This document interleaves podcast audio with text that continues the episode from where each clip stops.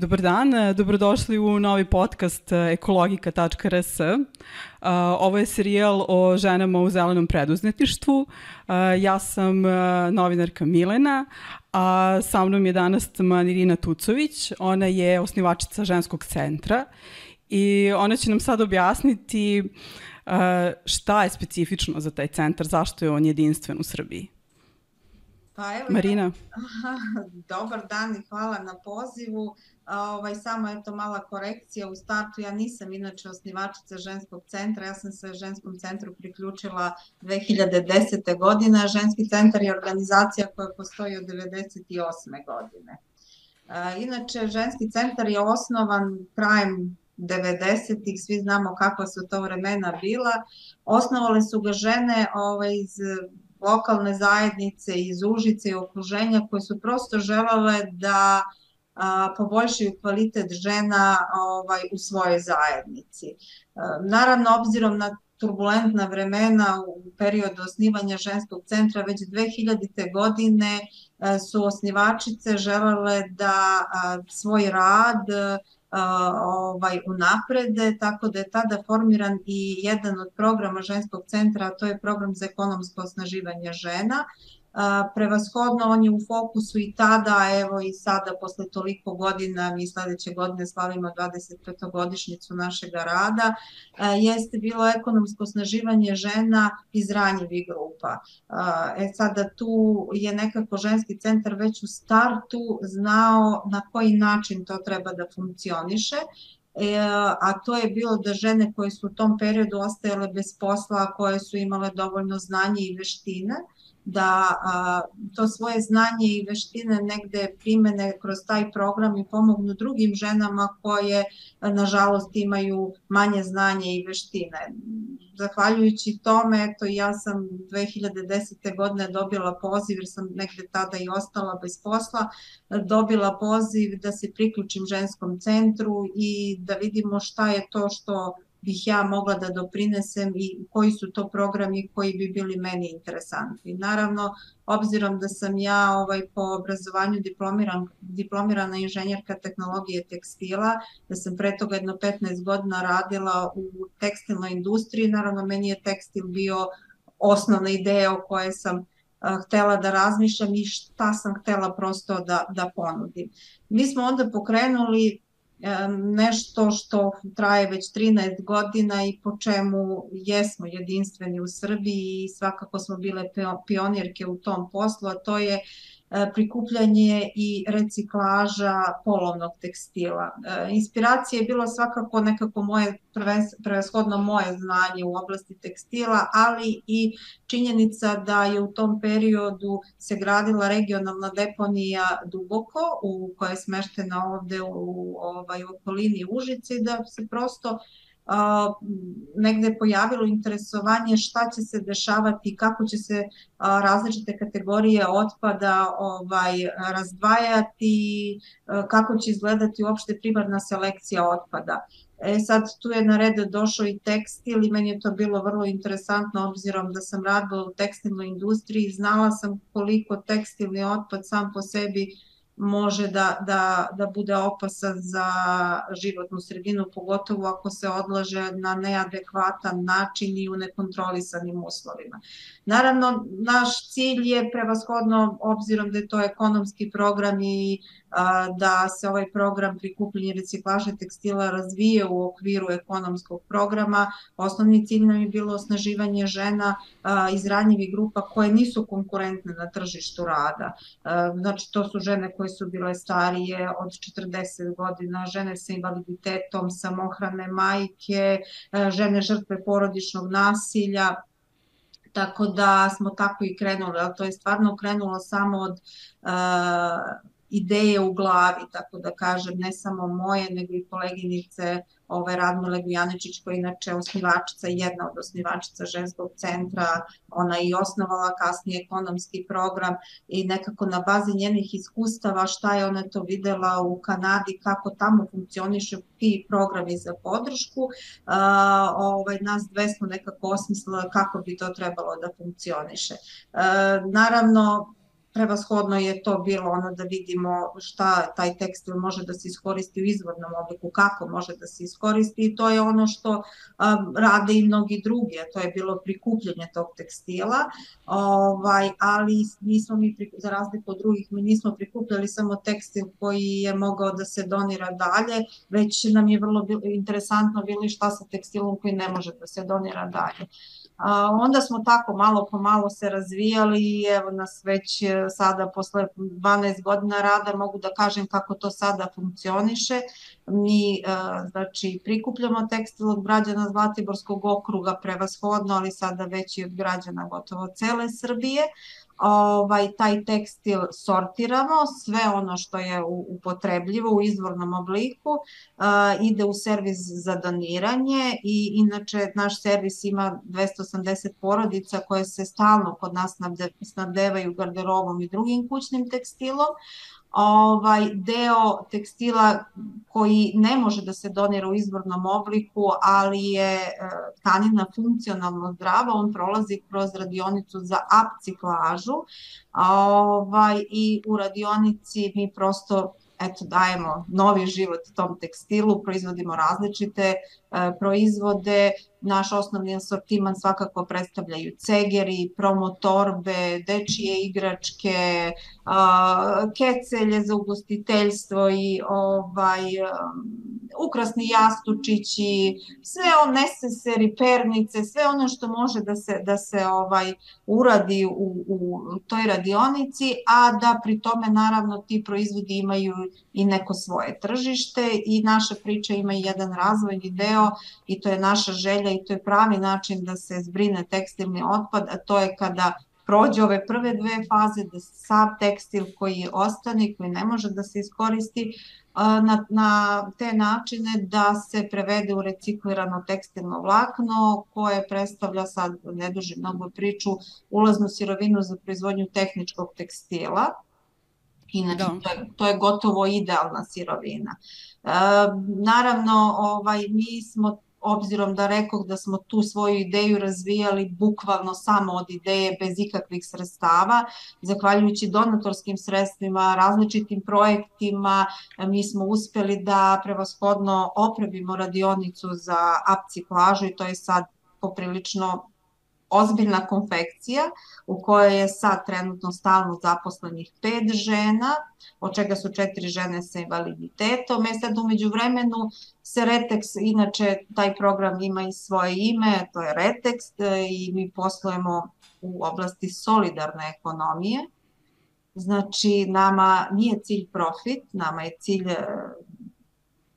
nešto što je dobro za našu zajednicu, a to je zapošljavanje žena koje nisu konkurentne na tržištu rada, ali sa druge strane i briga za životnu sredinu um, i rešavanje tekstilnog otpada koji je sporan po, po mnogo, mnogo, ovaj, po mnogo osnova. Marina, recite mi ovaj, zašto, koja je razlika u stvari između apciklaže i reciklaže i šta vama nedostaje da biste imali reciklažu? Pa evo ja ću sad da vam kažem, apciklaža je relativno novi pojam koji se koristi, sad ne postoji adekvatan prevod, ali u stvari to je redizajn. Razumete, to je kad od jednog proizvoda napravite drugi proizvod. Znači recimo kada od a, neke košulje ili suknje vi napravite ceger, recimo ili dečiju igračku ili pernicu.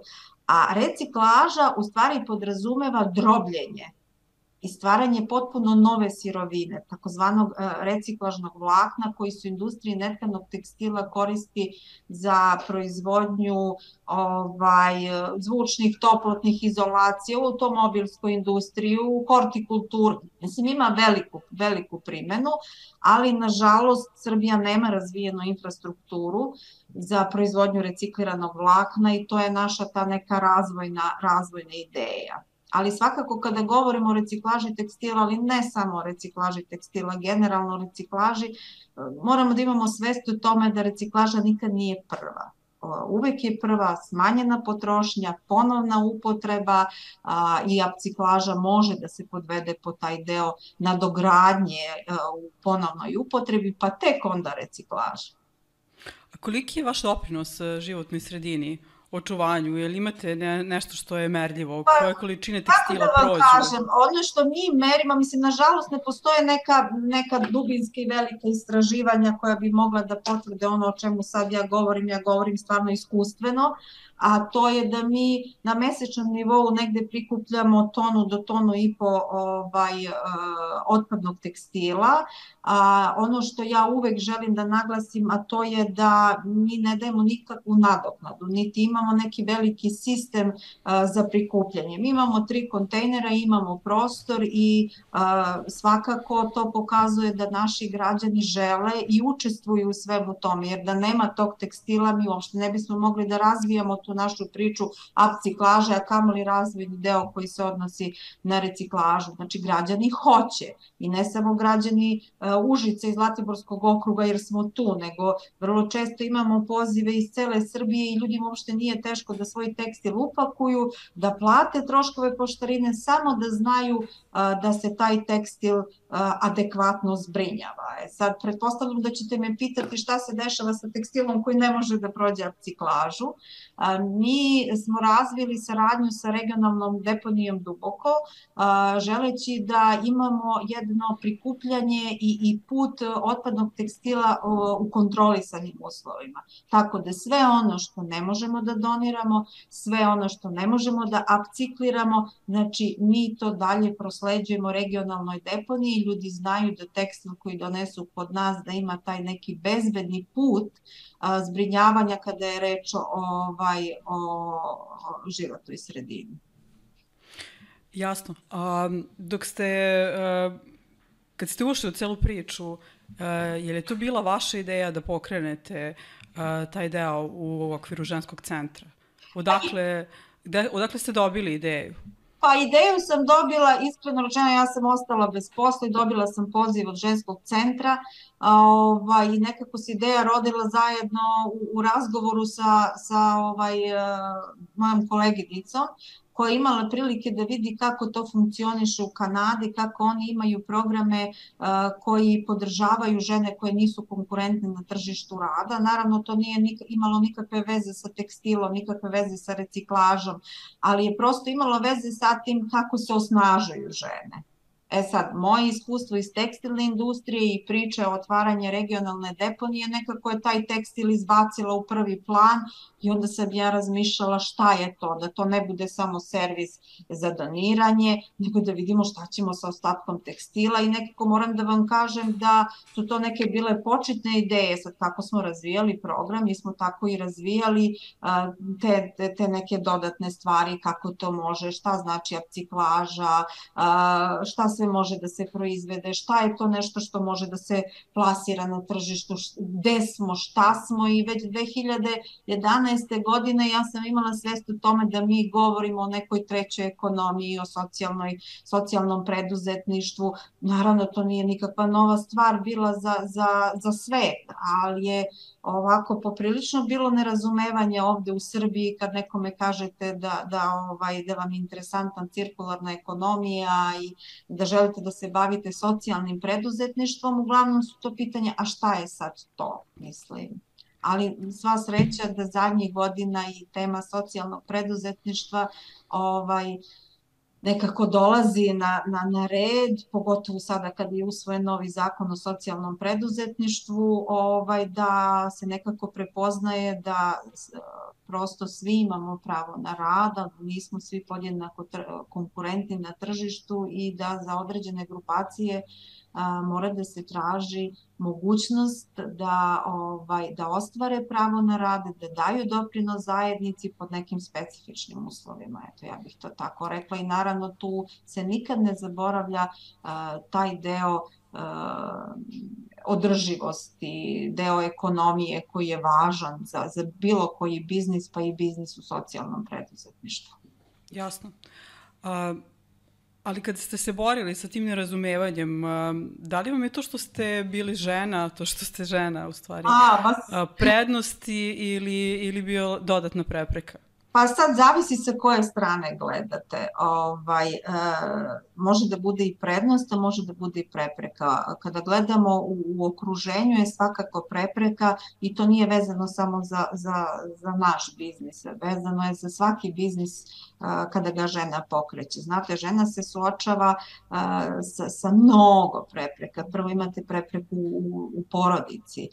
Znate, potrebna vam je podrška porodice da vas razume šta vi to želite, koja je to vrsta biznisa, koji rizik nosi ta vrsta biznisa, a onda i obaveze, znate, ako imate porodicu, ako brinete o drugim članovima u porodici, ovaj, što gotovo svaka žena radi, onda su to svakako prepreke. Ali ono što bih ja istakla kao prednost žene jeste način na koje žene rešavaju problem, način na koje žene razmišljaju, način na to ovaj, kako rešavamo sve prepreke sa kojima se suočavamo, istrajnost, volja, želja, motivacija, to su nekako, čini mi se, prednosti žene u biznisu. Mislim da žene, kako da kažem,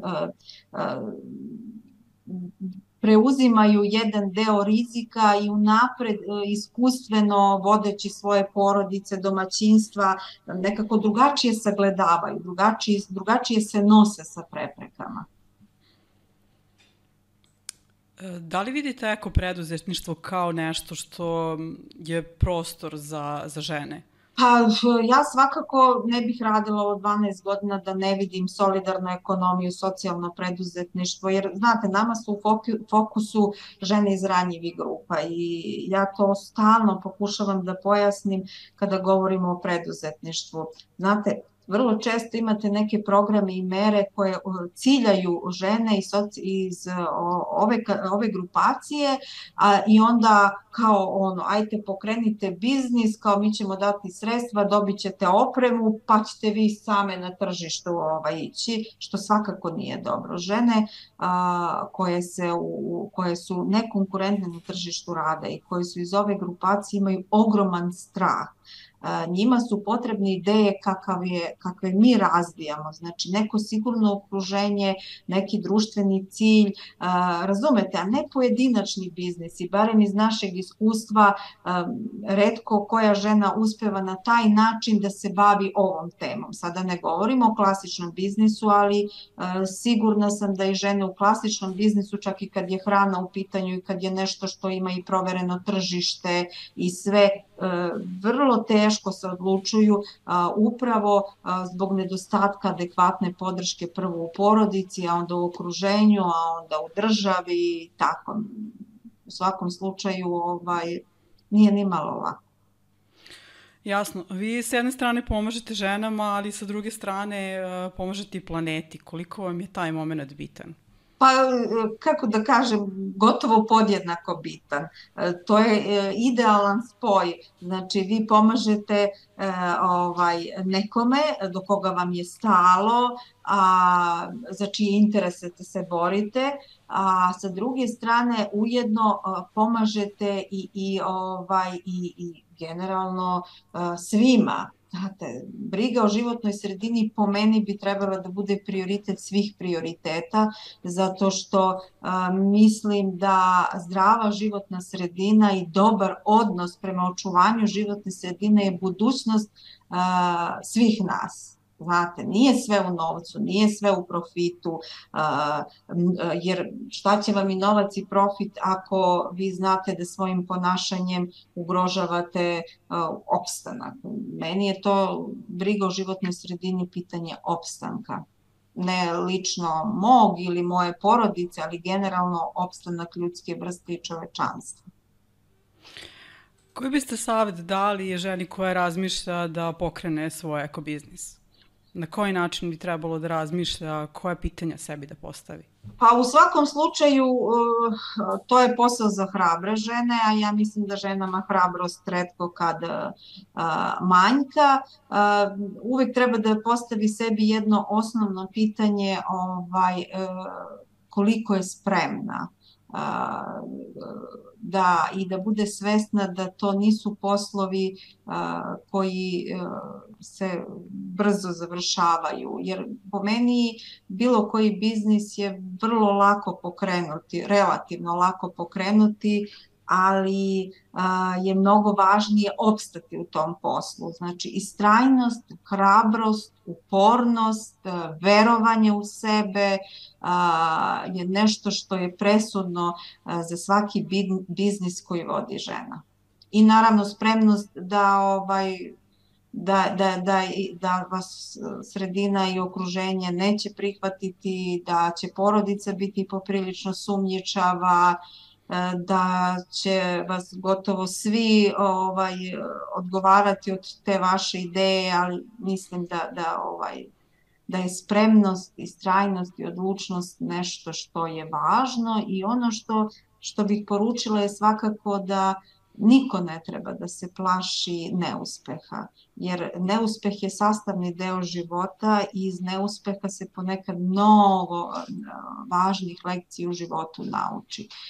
I pokretanje jednog biznisa, čak i neuspeh jednog biznisa ne znači da neće doneti uspeh u nekoj drugoj ideji. Znate, mi generalno imamo strah od neuspeha, to sad više nije stvar ženskog biznisa, nego stvar uopšte razumevanja i vrlo često smatramo i ne pokrećemo neke stvari, ne radimo na svojim idejama i na onome što nam je važno upravo iz tog straha od neuspeha. Međutim, neuspeh ponekada ovaj, može iz neuspeha da se rode mnoge nove ideje koje mogu da budu mnogo uspešnije, jer svako iskustvo je važno. Ja samo mislim da u startu niko ne treba da se plaši neuspeha, jer neuspeh je sastavni deo života. Dakle, smatrate da bi žene trebalo da pobede strah i da... Pa ne, je, ne bih ja baš rekla da su žene uh, ovaj, toliko plašljive, ali je to prosto u ljudskoj prirodi, razumete? Mislite da nije vezano samo za žene? Ne, ne, ne, nije svakako vezano za žene. Čak što više mislim da su u biznisu žene mnogo hrabrije nego muškarci, iako to statistike ne pokazuju ako pogledamo koliko muškaraca se bavi biznisom, a koliko žena, ali uvek moramo da budemo svesni da žene imaju i neke druge ograničavajuće faktore koji utiču na to da ovaj ne mogu baš tako lako da, da, da ovaj, da se odluče za, za tu ideju preduzetništva i sobstvenog. Ali i prednosti, jel da? Da vidite prednosti? prednosti? Naravno, naravno. Ja uvek vidim prednost ovaj, u tome zato što e, nekako drugačije se mi nosimo, drugačije odluke donosimo, e, na drugačiji način razmišljamo, na drugačiji način rešavamo probleme i negde će vam to sad nevezano za, za, za ovu temu, negde, negde će to i pokazati. Znate, kad god su neka turbulentna vremena, kad god je nešto posebno teško, kad se više ne zna gde ćete i šta ćete, onda se pojavljuju sjajne žene koje preuzimaju odgovornost i, i koje na neki svoj način, zahvaljujući svoje istrajnosti, upornosti, e, načinu razmišljanja, rešavaju neke probleme, pa i vode države, i vode biznise i tako. Hvala vam, Marina. Nikako hvala vama svakako na, na, na pozivu. Eto.